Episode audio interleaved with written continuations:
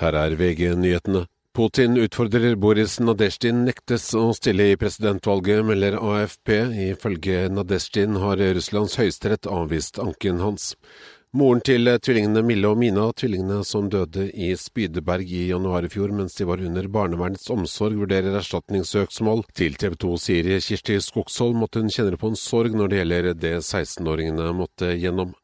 Dyrevernalliansen har fått over 17 000 signaturer på et opprop om å forby besittelse av overgrepsmateriale av dyr. Folk er rasende, og vi mener at det politiske Norge nå må forstå at straffeloven er i utakt med folkemeningen. Det sier kommunikasjonsleder Live Kleveland i Dyrevernalliansen.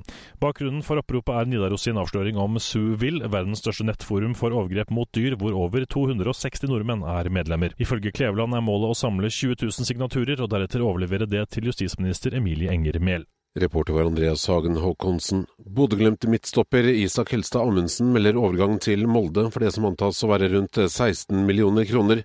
Etter det VG kjenner til, gjenstår kun detaljer i kontrakten til Amundsen. I studio Frode Sti, nyhetene får du alltid på VG.